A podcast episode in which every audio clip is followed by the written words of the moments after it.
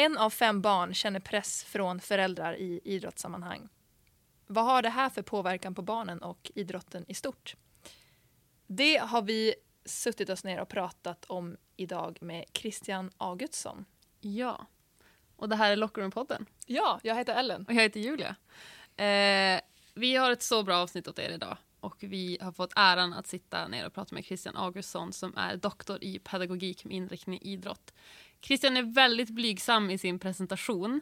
Han är förutom extremt kompetent på just eh, pedagogik så har han forskat om föräldrapress som Ellen nämnde. Sen har han även eh, jobbat med Sveriges olympiska kommitté, varit mental coach åt bland annat Stefan Holm.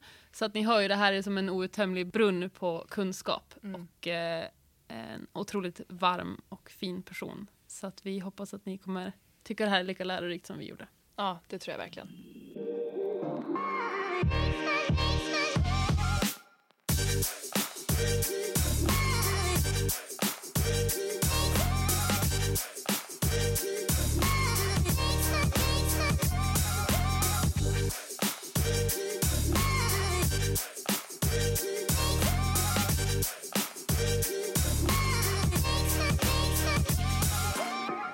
Vi säger hej och välkommen till Lockerroom-podden Christian Augustsson.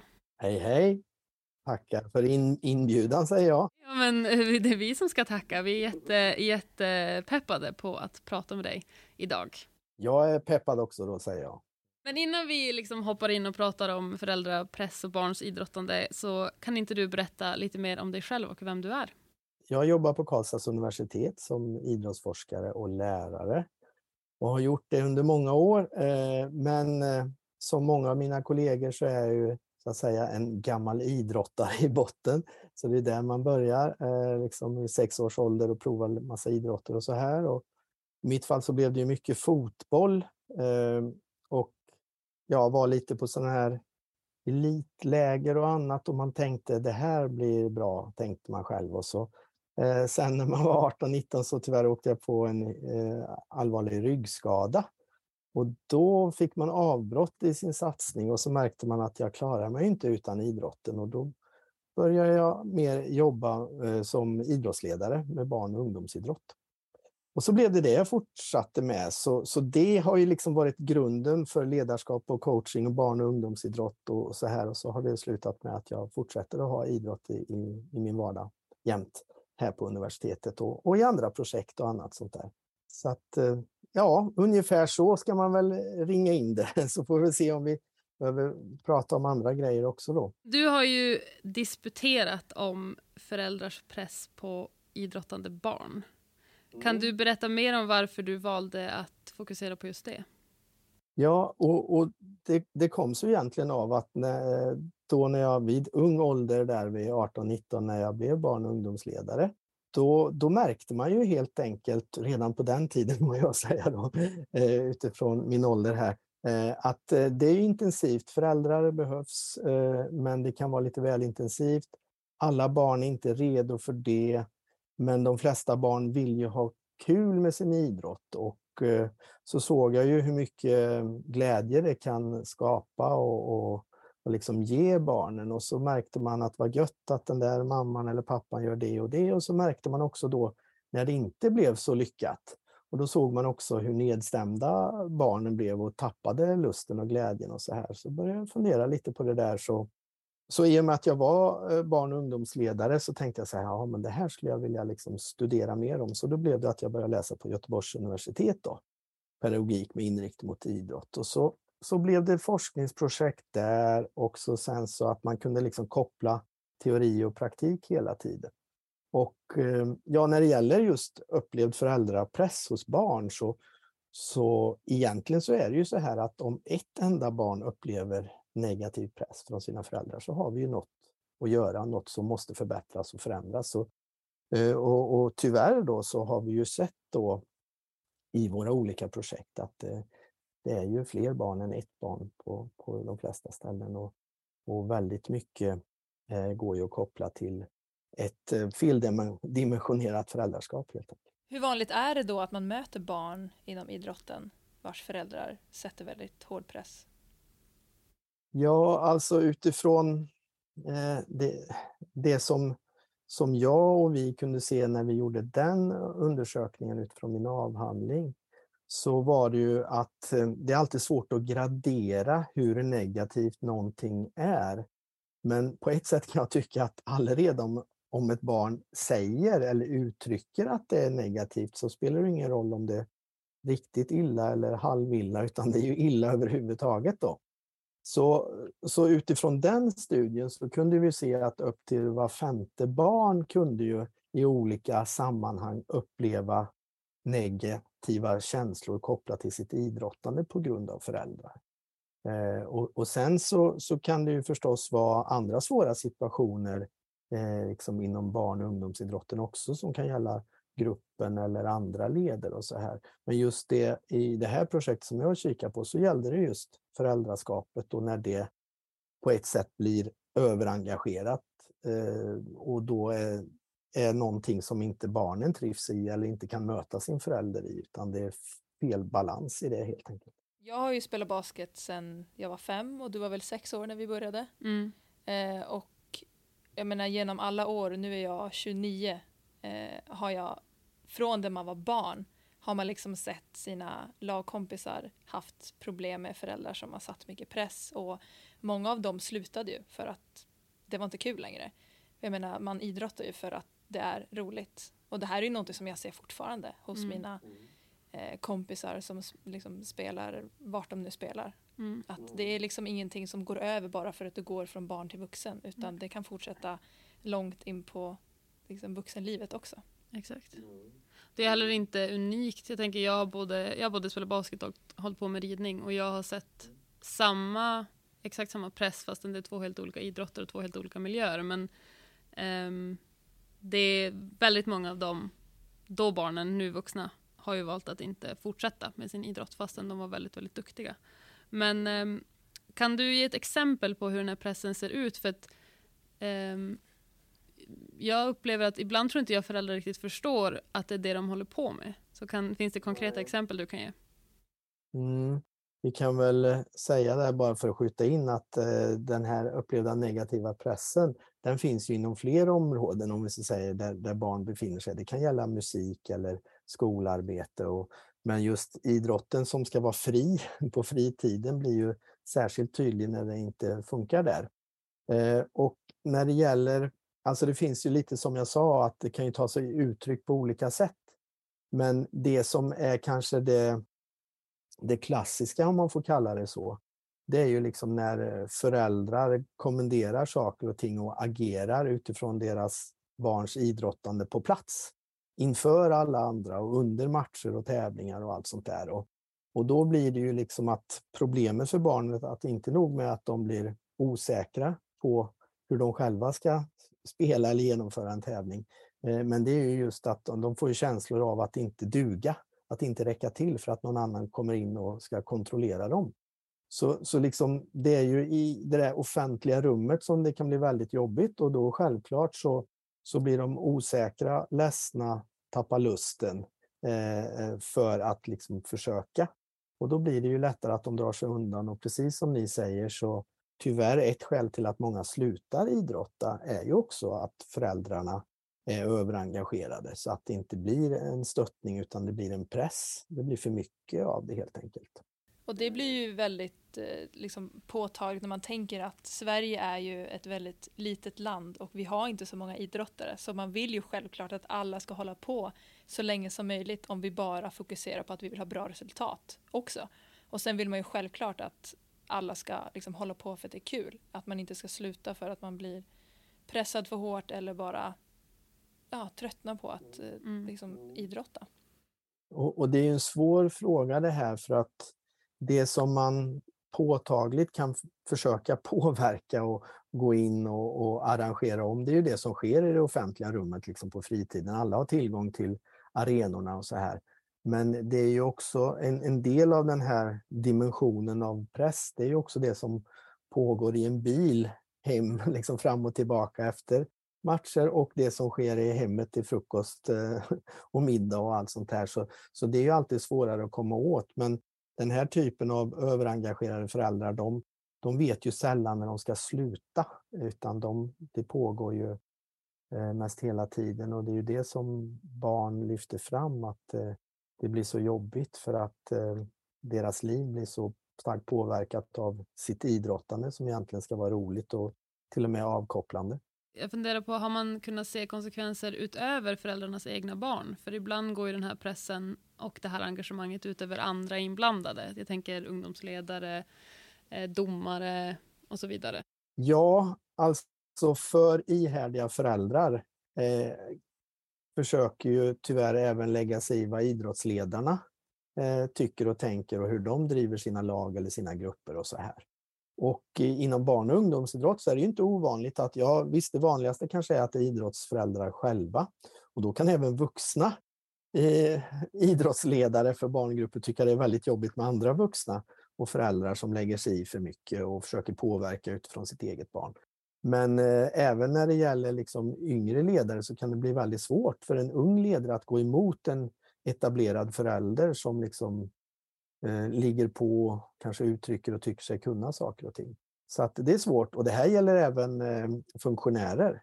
Eh, och eh, eh, jag vet inte, men, men ni, ni har säkert någon gång suttit i ett sekretariat själva eller dömt lite matcher och allt sånt där. Och, och det, det är lite spännande och då kan jag säga att eh, utifrån mina barns idrottande så självklart har jag varit en sån förälder som har hamnar i säcket, i sekretariatet. För då, för då ska man ju prata i mikrofon ibland till och med och, och säga saker och ting och så här. Och då helt plötsligt är det ganska många föräldrar som är borta. det var inte lika roligt, för det är en liten sån här utmaning kanske i sig.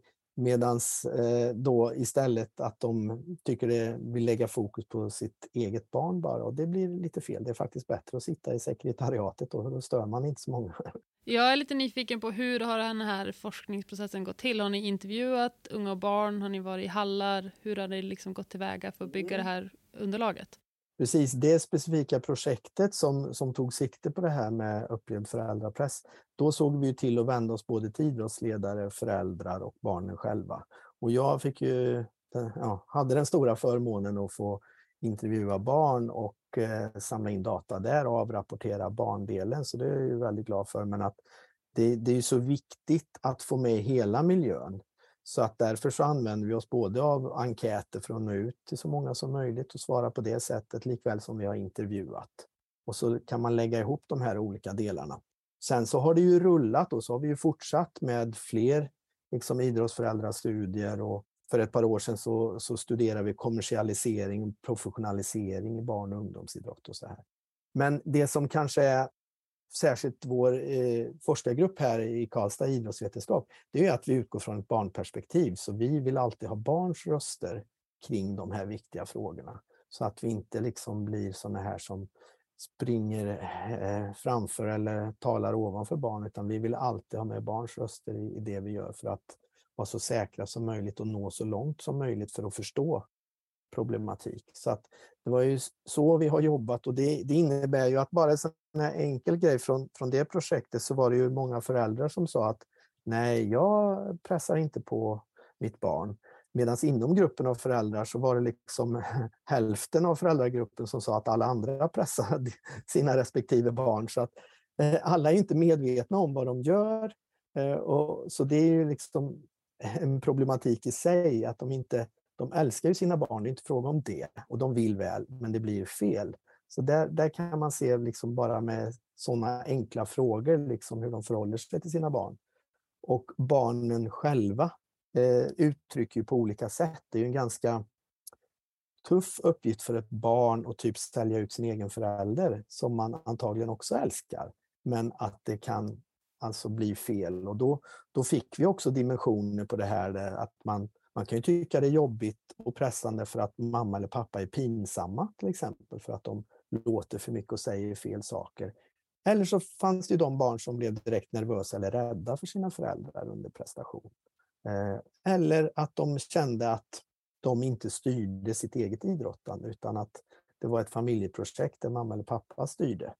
Eh, även fast det skulle vara egentligen bara deras egen grej. Så att det, det, är så viktigt att, att kunna lyssna in och, och, precis som ni säger när vi pratar om idrottsledare här, jättemånga idrottsledare förstås, som säger att eh, det är tufft att vara idrottsledare.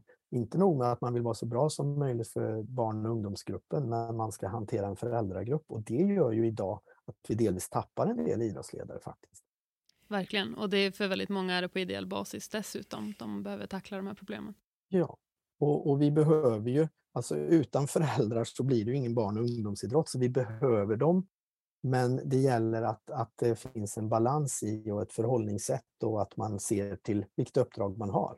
Mm. Ja, och sen tänker jag som förälder att pressa sitt barn till så bra prestation som möjligt, att man går miste om mycket annat inom idrotten som ju är väldigt värdefullt, alltså förutom gemenskapen och allt det här, men idrotten behöver ju fler utöver elitsatsande idrottare. Alltså du behöver funktionärer, du behöver domare, du behöver folk som sitter i säck, du behöver alltså, kommunikatörer, du behöver... Alltså, det är jättemånga roller som behöver fyllas av människor som älskar idrott, så att idrotten är inte bara det som sker på planen, utan det är även allt runt omkring. Och om vi skrämmer bort alla som inte är liksom det här toppskiktet av supertalangfulla, då kommer vi snart ha ett ganska stort problem. Och det är att vi har ingen annan som kan fixa allt det här runt om som man måste ha för att det ska funka.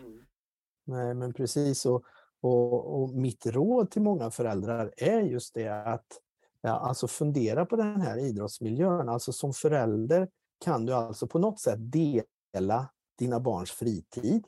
Och det finns ett stort behov av hjälp i den här verksamheten.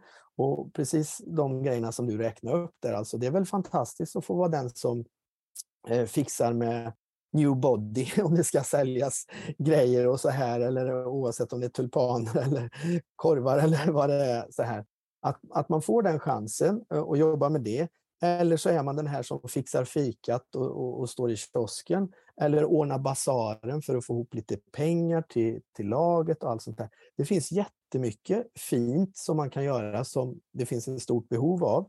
Men framförallt så tänker jag, man kommer från ett jobb och man är med sina barn på fritiden. Varför inte bara andas ut och ta en extra kopp kaffe och småprata lite med de andra föräldrarna. Låt barnen vara. Man är ju ändå i samma miljö. Det är en jättefin möjlighet att vara delaktig liksom i, i barnens uppväxt utan att vara i vägen. Mm. mm. Och jag tänker med mina föräldrar, de har ju skaffat flera av sina nära kompisar nu genom eh, liksom mina och mina syskons idrottare, eh, idrottande. Mm. Så att det är ju också en chans att eh, liksom inte bara njuta av sina, sina barn och se dem växa och ha kul och träffa nya kompisar men också träffa folk själv som liksom är ganska kanske likasinnade och mm. menar, bryr sig om samma saker.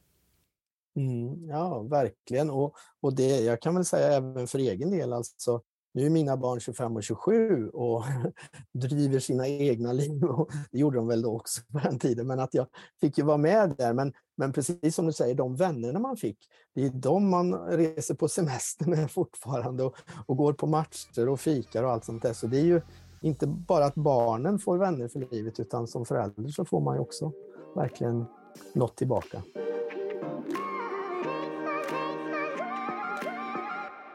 Den här säsongen sponsras Lockerroom-podden av Rain Total Body Fuel. Rain är ett innovativt och smakrikt energidrycksalternativ som hjälper atleter att prestera på sin topp. Och vi eh, är ju väldigt specifika och noggranna med vilka vi gör samarbeten med och eh, därför kändes det naturligt och självklart att ha med Rain på vårt poddtåg. Precis. Och förutom att Rain delar våra värderingar så gillar vi även att de jobbar mycket med storytelling. Eh, precis som i vår podd så tar de även upp ämnen som kan vara lite svåra att prata om. Ja, så besök deras Youtube-kanal för att ta del av deras stories. Tack Rain! Tack!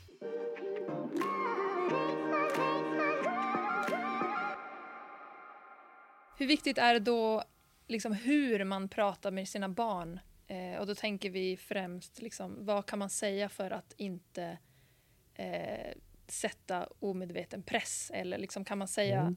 hur ska man liksom prata med sina barn om deras idrottande? Mm. Ja, alltså eh, egentligen en, en bra sån här regel nummer ett det är ju låt barnet själv börja prata om sin idrott eller prestation om hen vill. Man behöver inte alltid springa före, eh, utan tvärtom, man ska egentligen aldrig springa före när det gäller sitt barn. Eh, och det finns så mycket man kan prata om eh, som inte dyker ner i den specifika prestationen om inte barnet självt vill det. Jag måste bara lyfta ett exempel här. Jag skulle ha ett samtal med en innebandyspelande pojke, 10-11 års åldern och så här. Och så, så sa jag till honom då att ja, men då kommer jag kolla på matchen och så här. Vi skulle prata om lite sådana här grejer, idrott och så. Och jag kollade på matchen och de släppte in mål efter mål efter mål. Så de, de fick stryk med 23-0. Och, och, jag bara tänkte, oj, och så har jag bokat honom för ett samtal, han ska stanna kvar efter matchen. Och jag som ändå har varit i miljöer och pratat med jättemycket barn, jag kände ändå så här, hur ska jag göra för att börja? Eh, och då när han kommer fram till mig och helt så här ordentligt avtalad tid och plats och allt sånt här, så, så tänkte jag så här, ja men nu, nu, nu är det viktigt att jag inväntar honom. Och då kommer han fram och så visar han en kexchoklad och säger bara så här, kiosken var öppen, säger han. Och sen var, sen var det inget mer. Sen var det klart, så kunde vi börja prata. Och det var, det var så skönt. Och jag tänkte, hade jag som vuxen oroat mig lite för hur ska jag, ska jag kommentera matchen eller prestationen? Kiosken var öppen och så körde vi bara. Så att eh, så, så många gånger alltså, vi är ju inte inne och med ett riktigt barnperspektiv hur de upplever saker och ting, men låt dem uppleva saker och ting. Låt dem ta första steget. Eh, och sen kan man haka på istället. Men, men i, i annat fall, om man inte kan det, utan absolut vill säga något själv, eh, så kan man ju bara säga, ja men hur var det idag? Eller eh, ja, var det någonting som var kul idag? Eller man kan ju börja väldigt öppet och enkelt och så ser man hur sugna de är på att prata. Eh, och vill de prata om prestationen eller dribblingen eller skottet eller vad som helst, ja men då pratar man ju på om det. Men då har ju de valt det lite mer. Mm. Jag hade faktiskt senast idag så um, såg jag ett kommentarsfält på Facebook som var om, det var 12-åriga eh, 12-årigt hockeylag som hade spelat och det var en förälder som hade lagt ut en bild tror jag, eller om det var klubben själv eh, om eh, turneringen och så var det föräldrar som, flera stycken i kommentarsfältet som hade frågat om de vann. Men då mm. var det en man som hade sagt, men hallå, vad håller vi på med här? Har, vi, har de haft roligt? Har de lärt sig någonting? Har de, mm. typ, har de skaffat nya kompisar? Hur har utvecklingen varit? Är det inte där vi räknar segrar med barn som idrottar och inte i antal gjorda mål? Mm. Och det var väldigt, det var väldigt, väldigt fint eh, avbräck från den andra tonen i kommentarsfältet. Ja. Det gjorde mig väldigt glad att läsa. Men jag tror fler skulle behöva tänka så, för det är ju precis så ja. det är. Nej, men alltså jag träffar på killar och tjejer, ni vet Gotia Cup, den stora fotbollsturneringen och så här. Och så, så om man säger så ja jag hörde att ni var på Gotia Cup. Eh, och då berättar de ju inte ja, 1-0, 2-0 eller vi mötte ett tyskt lag, utan de har så här, och så var vi på Liseberg, säger de. Och så liksom är, är, är, det liksom det som, som gäller. Och det här, det här, det är ju alltså, eh, de här barnen och ungdomarna jag pratar med, de har ju varit mellan liksom 14 och 16 år. Och, och, även om prestationer är viktiga i de åldrarna och för dem, så, så, är det liksom andra perspektiv de går och bär på. Så att det är ganska gött egentligen att bara lugna sig lite och låta barnen och ungdomarna börja prata så ser man lite. Och Jag tycker också det känns som när man själv var i den åldern. Jag är otroligt tävlingsinriktad. Men mm. att liksom när man väl går från matchen så tror jag att jag släppte det ganska fort. Att här, man, som mm. barn så ältar man liksom inte förluster. Nej. på samma sätt som man kanske gör när man är vuxen. Utan så här, då, då släpper man det efter matchen. Just under matchen mm. kanske man är jättearg. Det var jag ofta. Ja.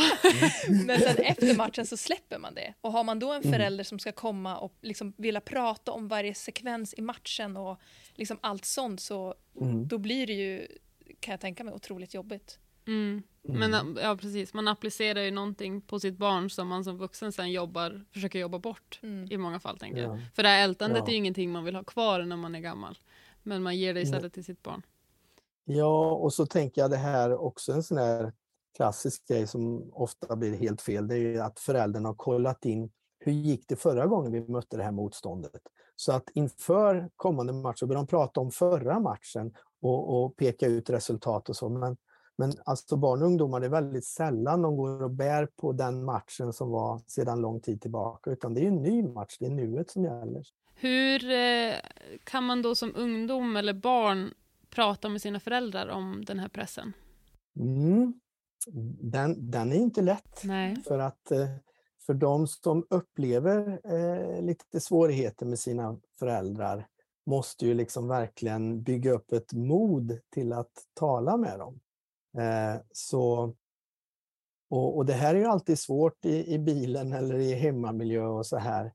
Eh, utan, och jag skulle inte alltid vilja lägga det på ett barn, eh, eh, den typen av samtal. Så, så jag skulle ju önska istället, så som det är i ja, flera föreningar och flera grupper, att man eh, där tar upp sånt här tillsammans med föräldrar och även tillsammans med barn och gärna eh, att domare är med och alla är med så här så att man liksom lyfter det snacket för att då är det lättare för barn när de sen ska prata själva kan referera till någonting.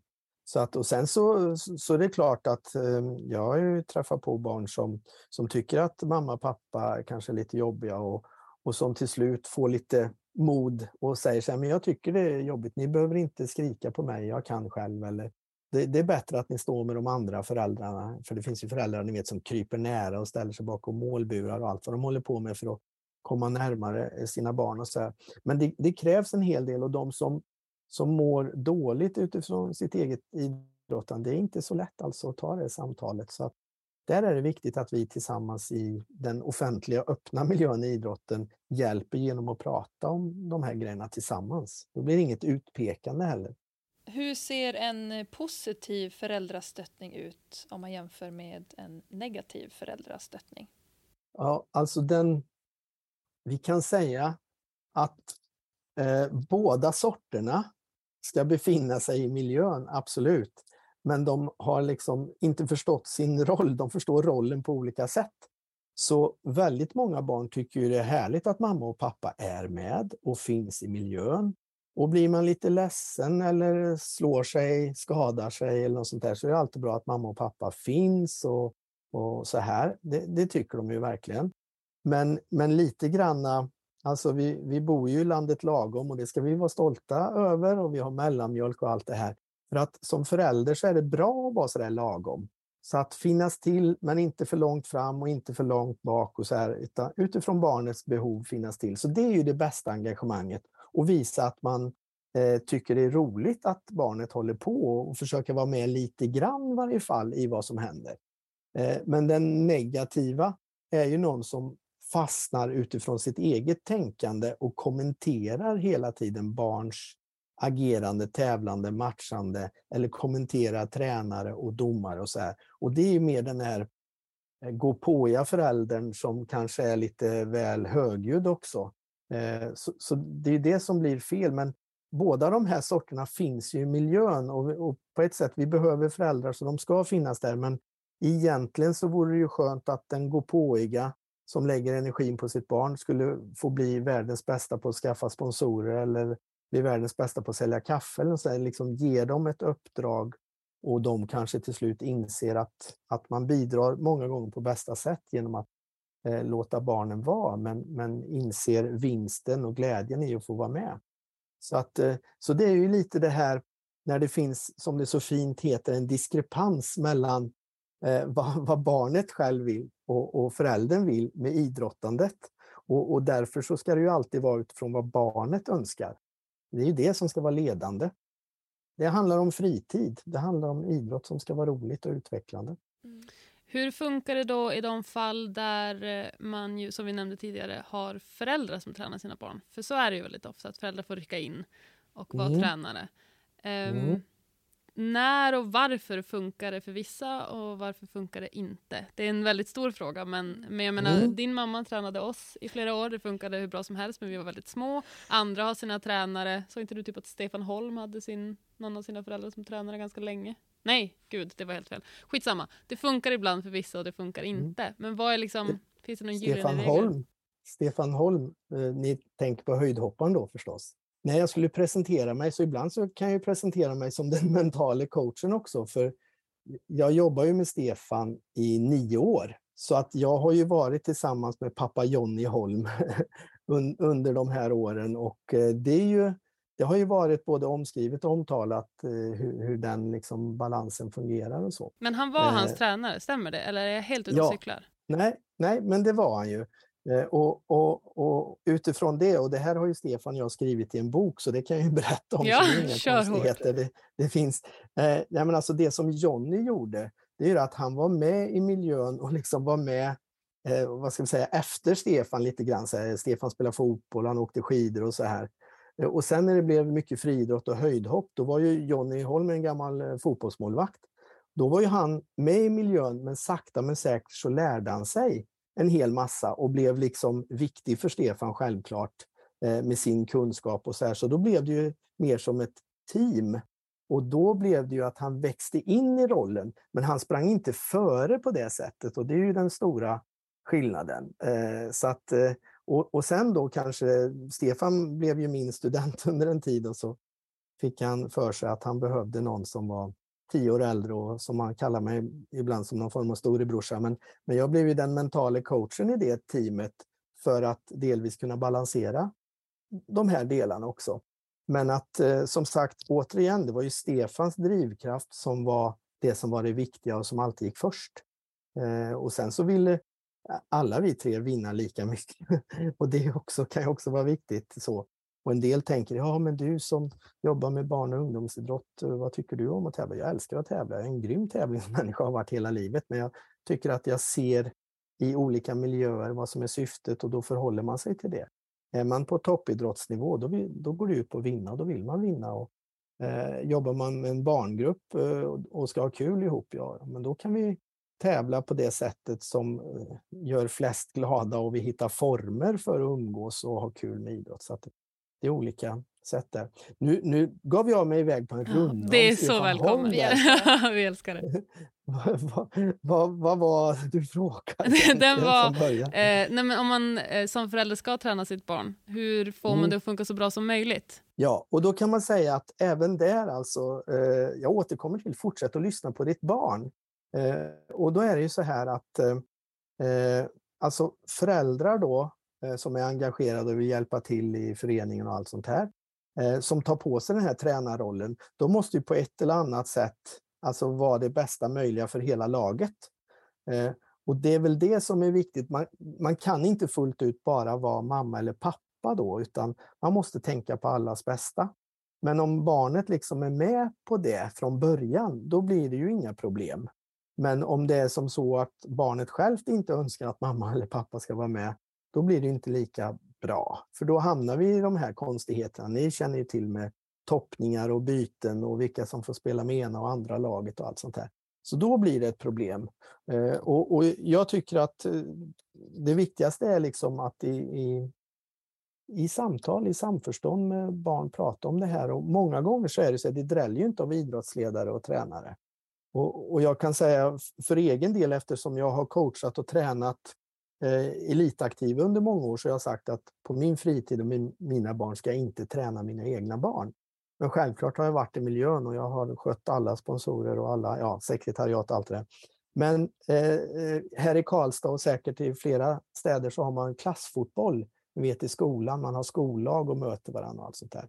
Och då har mina barn sagt till mig, pappa, det är ingen som vill vara klassfotbollsledare, liksom, så här, då måste du vara. Så under alla år med mina båda barn så har jag varit klassfotbollsledare för att de har velat det. Så då har jag tagit på mig den rollen.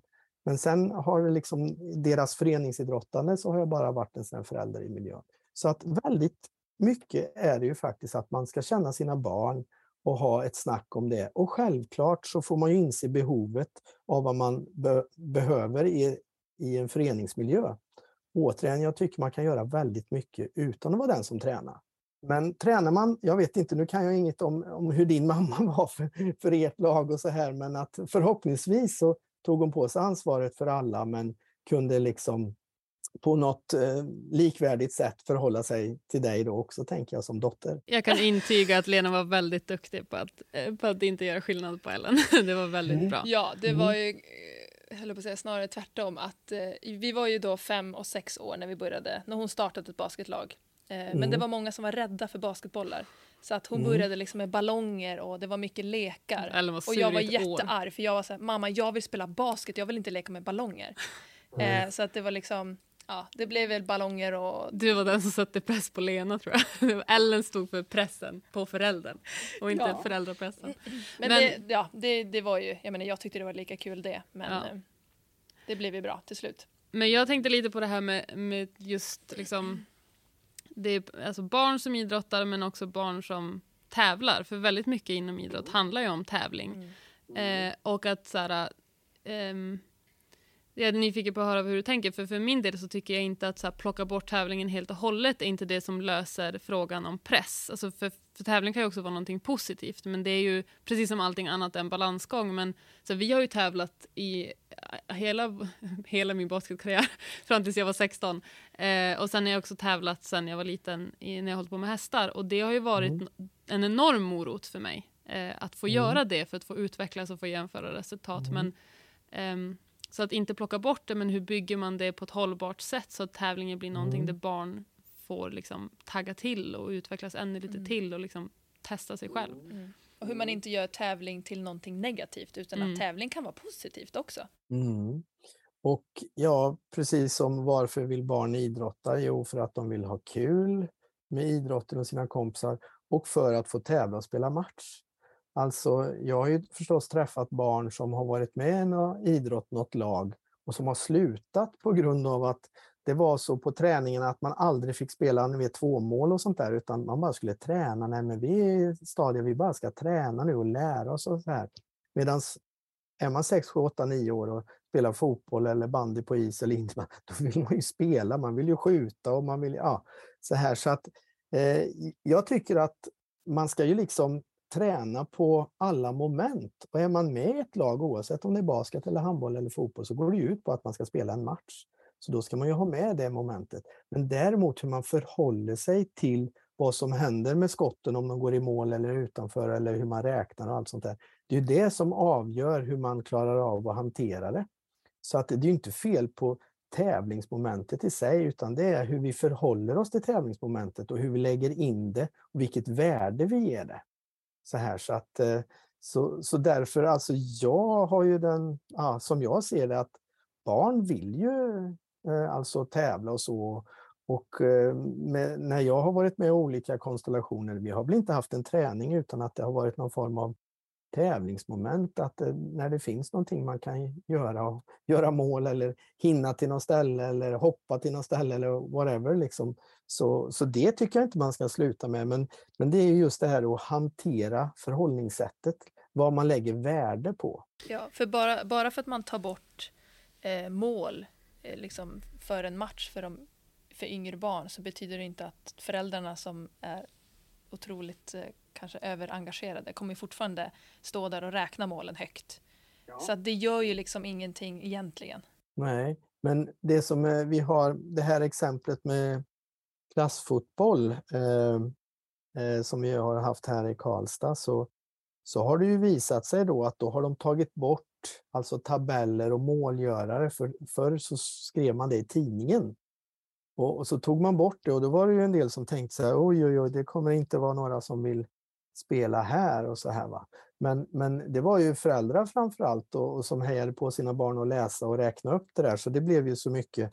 Och det visar ju sig, håll i er nu, att eh, det blev ju fler barn som spelade klassfotboll.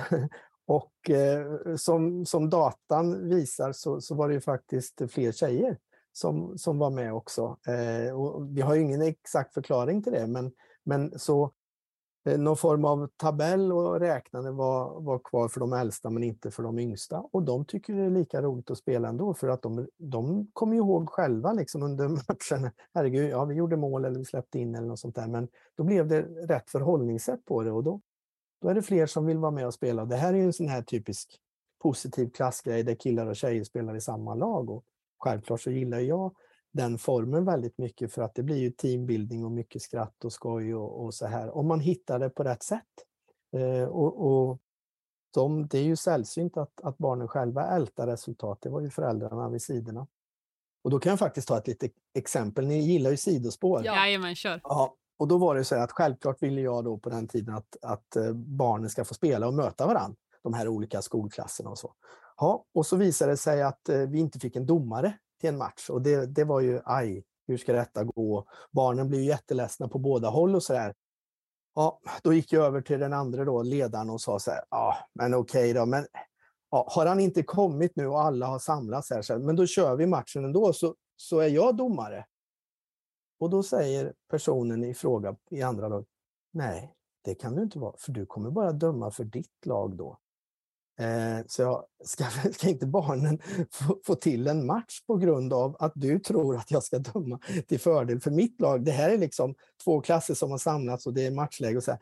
så då blir man lite förvånad. Va? Och, och då var det ju då, ja, då får vi dela upp så att en domare ena halvleken och sen från andra laget. Så här. Då tänker man, vilken, vilken inställning! Och vi snackar ju sådana som var liksom 8-9 år gamla. Eh, så, så, det är ju sånt där, men det är väl nyttig kunskap att få med sig också att i sådana möten så finns det sådana som ser lite olika på vad syftet är med klassfotboll och andra matcher i den åldern. Jag tänkte när du nämnde det här med att det blev fler tjejer som började anmäla sig till klassfotboll mm. så tänkte jag på om det finns, fanns det någon skillnad i hur tjejer och killar upplever press från sina föräldrar? Ser man skillnad att den ena eh, får ta emot mer press eller är det liksom lika på, på båda hållen? Om, om jag utgår lite från det där projektet som gällde föräldrapress och så, så kan man väl säga att vi, vi har ju inte förklaringar på alla fronter utan i, i samtal så kan man väl säga att det är ju liksom upp till individen, så oavsett pojke eller flicka, så finns det här fenomenet tyvärr. Och det finns i alla åldrar och i alla idrotter. Men vi kunde se att i de idrotter där det tar lite mer tid och det kostar lite mer pengar så var det en högre grad av killar och tjejer som upplevde press. Eh, så att där det är mycket tid och mycket pengar så, så kan det vara en större grupp av barn som tycker det är jobbigt. Men eh, det som, som ni frågade egentligen här nu, det var alltså, nu ska vi se så att jag inte blandar ihop det här. Så att, vad sa du? En gång till. Alltså skillnaden mellan tjejer och killar? Mm, mm, ja, och då i vårt material i varje fall, då kunde man se det så här att eh, när eh, man är lite ny i idrotten, när man är 7-8 år, då var det alltså fler pojkar som hade lite jobbigare med sina föräldrar. För att lite granna utifrån hur föräldrar resonerar och faktiskt en del idrottsledare så är det lite lättare, eh, tydligen, utifrån hur samhället ser ut och det sociala, att någon ska vara lika stark som Zlatan eller vad, vad man kunde höra och så här. Så att då satte de mer press på pojkar att de skulle klara mycket mer inom idrotten, även om de var nya i idrotten. Så då vågar man uttala det. Så det var en lite högre andel pojkar som tyckte det var jobbigt. Men sen så blev det ett litet skifte. Så när man kom in i tidiga tonåren, då helt plötsligt då var det ju många som resonerade som att de var lite utifrån att de hade tjejer eh, som döttrar och så här, så tyckte de att det var kul att de håller på med idrott.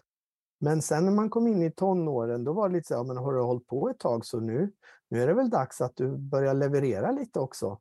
Och då vet vi alla också tonårstid och tidiga tonårstid och för tjejer och, och allt som händer med identitet och allt sånt här.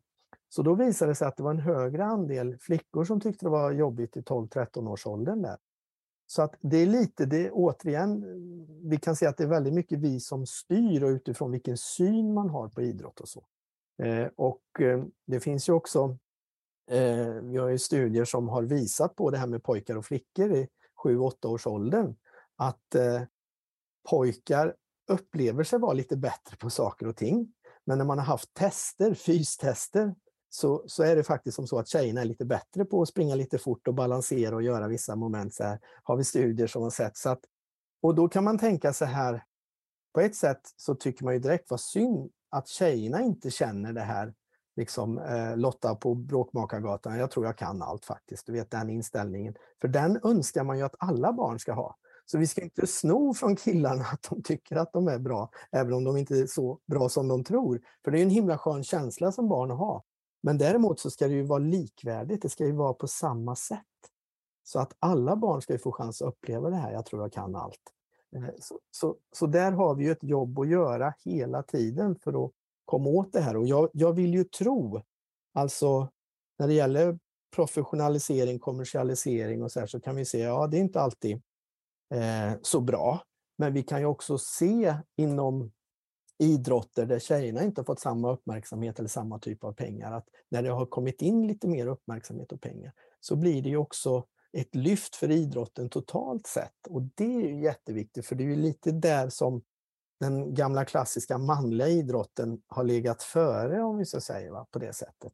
Så att, men vi ser ju det positiva här, eh, inte minst när det gäller alla damlandslag och hur många som tittar på tv och, och vilka stjärnor som växer fram, hur gott det gör så att alla kan ha sina idoler liksom som små eh, och hitta hem där. Verkligen. Representation är väldigt viktigt. Vi har ju varit inne på alltså, hur viktigt det är att eh, hela idrotten pratar om det här med pressen så att inga barn behöver känna det ensamma ansvaret att prata med sin förälder. Men vi vet att vi har ganska många ungdomstränare som lyssnar på den här podden. Så att, har du något konkret tips hur man som tränare kan tackla överengagerade föräldrar när man märker att det påverkar barnen? Mm. Eh, och, och, det ska ju sägas här att nu har ju vi pratat om de svåra och problematiska ämnena och frågorna för att förstås försöka hjälpa så många som möjligt och speciellt barn som upplever sig vara utsatta för det här. Men det finns ju, tack och lov, majoriteten av alla föreningar och, och alla föräldrar och idrottsledare har det jättebra. Det går ju bra. Och, och då kan man väl säga att det, där det går särskilt bra, då, då är det ju liksom en god balans i att man uttalar saker och ting. Visst, det står fina såna här värdeord skrivna och så, men där man lägger ett riktigt värde på de fina orden, det är för att man jobbar med det och lyfter det och pratar om det och så här.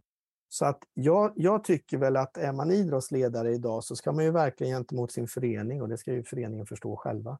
Alltså, eh, det är liksom utbildning, utbildning, utbildning som gäller och inte minst för idrottsföräldrar. Så ha, ha utbildningsträffar, infoträffar eller vad man vill kalla det, så att man tar upp de här frågorna när alla är där. Eh, åtminstone alla är där, de som är engagerade, men, men, eh, men inte ge sig på den punkten, för det är en del föräldrar som är överengagerade som ser till att missa de där mötena, de som skulle behöva dem mest. Då. Men jag tycker att ingen idrottsledare ska behöva bära ett helt lag själv, utan det är föreningen man ska stå tillsammans i de här delarna och då får man väl ha möten när man blandar fler lag och flera tränare. Men, eh, och, och sen kan man väl säga att de föreningar som har ledarlag så är det ju väldigt bra. Liksom. Mammor och papper, killar och tjejer och att vi är lite olika och vi har lite olika uppdrag men att vi är ett, ett eh, lag. Det hjälper ju mycket så att eh, jag, jag, tycker att eh, är man intresserad av ett sånt här ledaruppdrag ska man också fråga vad man får för stöd från hela föreningen för att man representerar ju hela föreningen också. Så att eh, det är väl egentligen det och eh, lyfta frågor öppet med föräldragrupper. Det, det är det. Och våga sätta gränser för, alltså det, det vet vi ju i många föreningar, att det är liksom mamma och pappa-läktaren, där man är anvisad till en särskild läktare. Där får du vara, du får inte vara där. Och, nej, du får inte hålla barnets vattenflaska, det ska de hålla själva. Och så. Alltså de grejerna funkar ju faktiskt, att man styr upp det. För i grund och botten så vill ju alla föräldrar att deras barn ska ha roligt så. Så, så det, det, är nog det, att man inte ska stå ensam med en hel vuxengrupp utan lyfte så att föreningen tar ansvar och, och ser till att ha återkommande utbildning. För jag kan ju tycka, där jag har varit med, så tänker man så här, vilken bra utbildning vi hade förra året. Men så inser man, ja men det är massa nya föräldrar i år, vi behöver ha det igen. Oavsett om man gör det som en tipspromenad med frågor eller om man håller i ett infomöte och bjuder på hembakt eller jag vet inte. Men, men liksom, det måste ju pratas om det. Mycket bra tips. Ja, Tack så jättemycket för att du har gästat oss. Det har varit otroligt lärorikt och jag är helt säker på att det kommer vara väldigt uppskattat också. Ja, ja men tack till er. Det var, det var härligt att få eh, lyfta de här frågorna som, som man är djupt engagerad för och, och känner att eh, det är så viktigt att vi hjälps åt. Eh, och det gör ju ni genom er podd och allt som ni når ut till och så, så är jag bara jätteglad att jag fick vara med och prata lite om det här. Ja men tusen tack. Kul. Tack så jättemycket.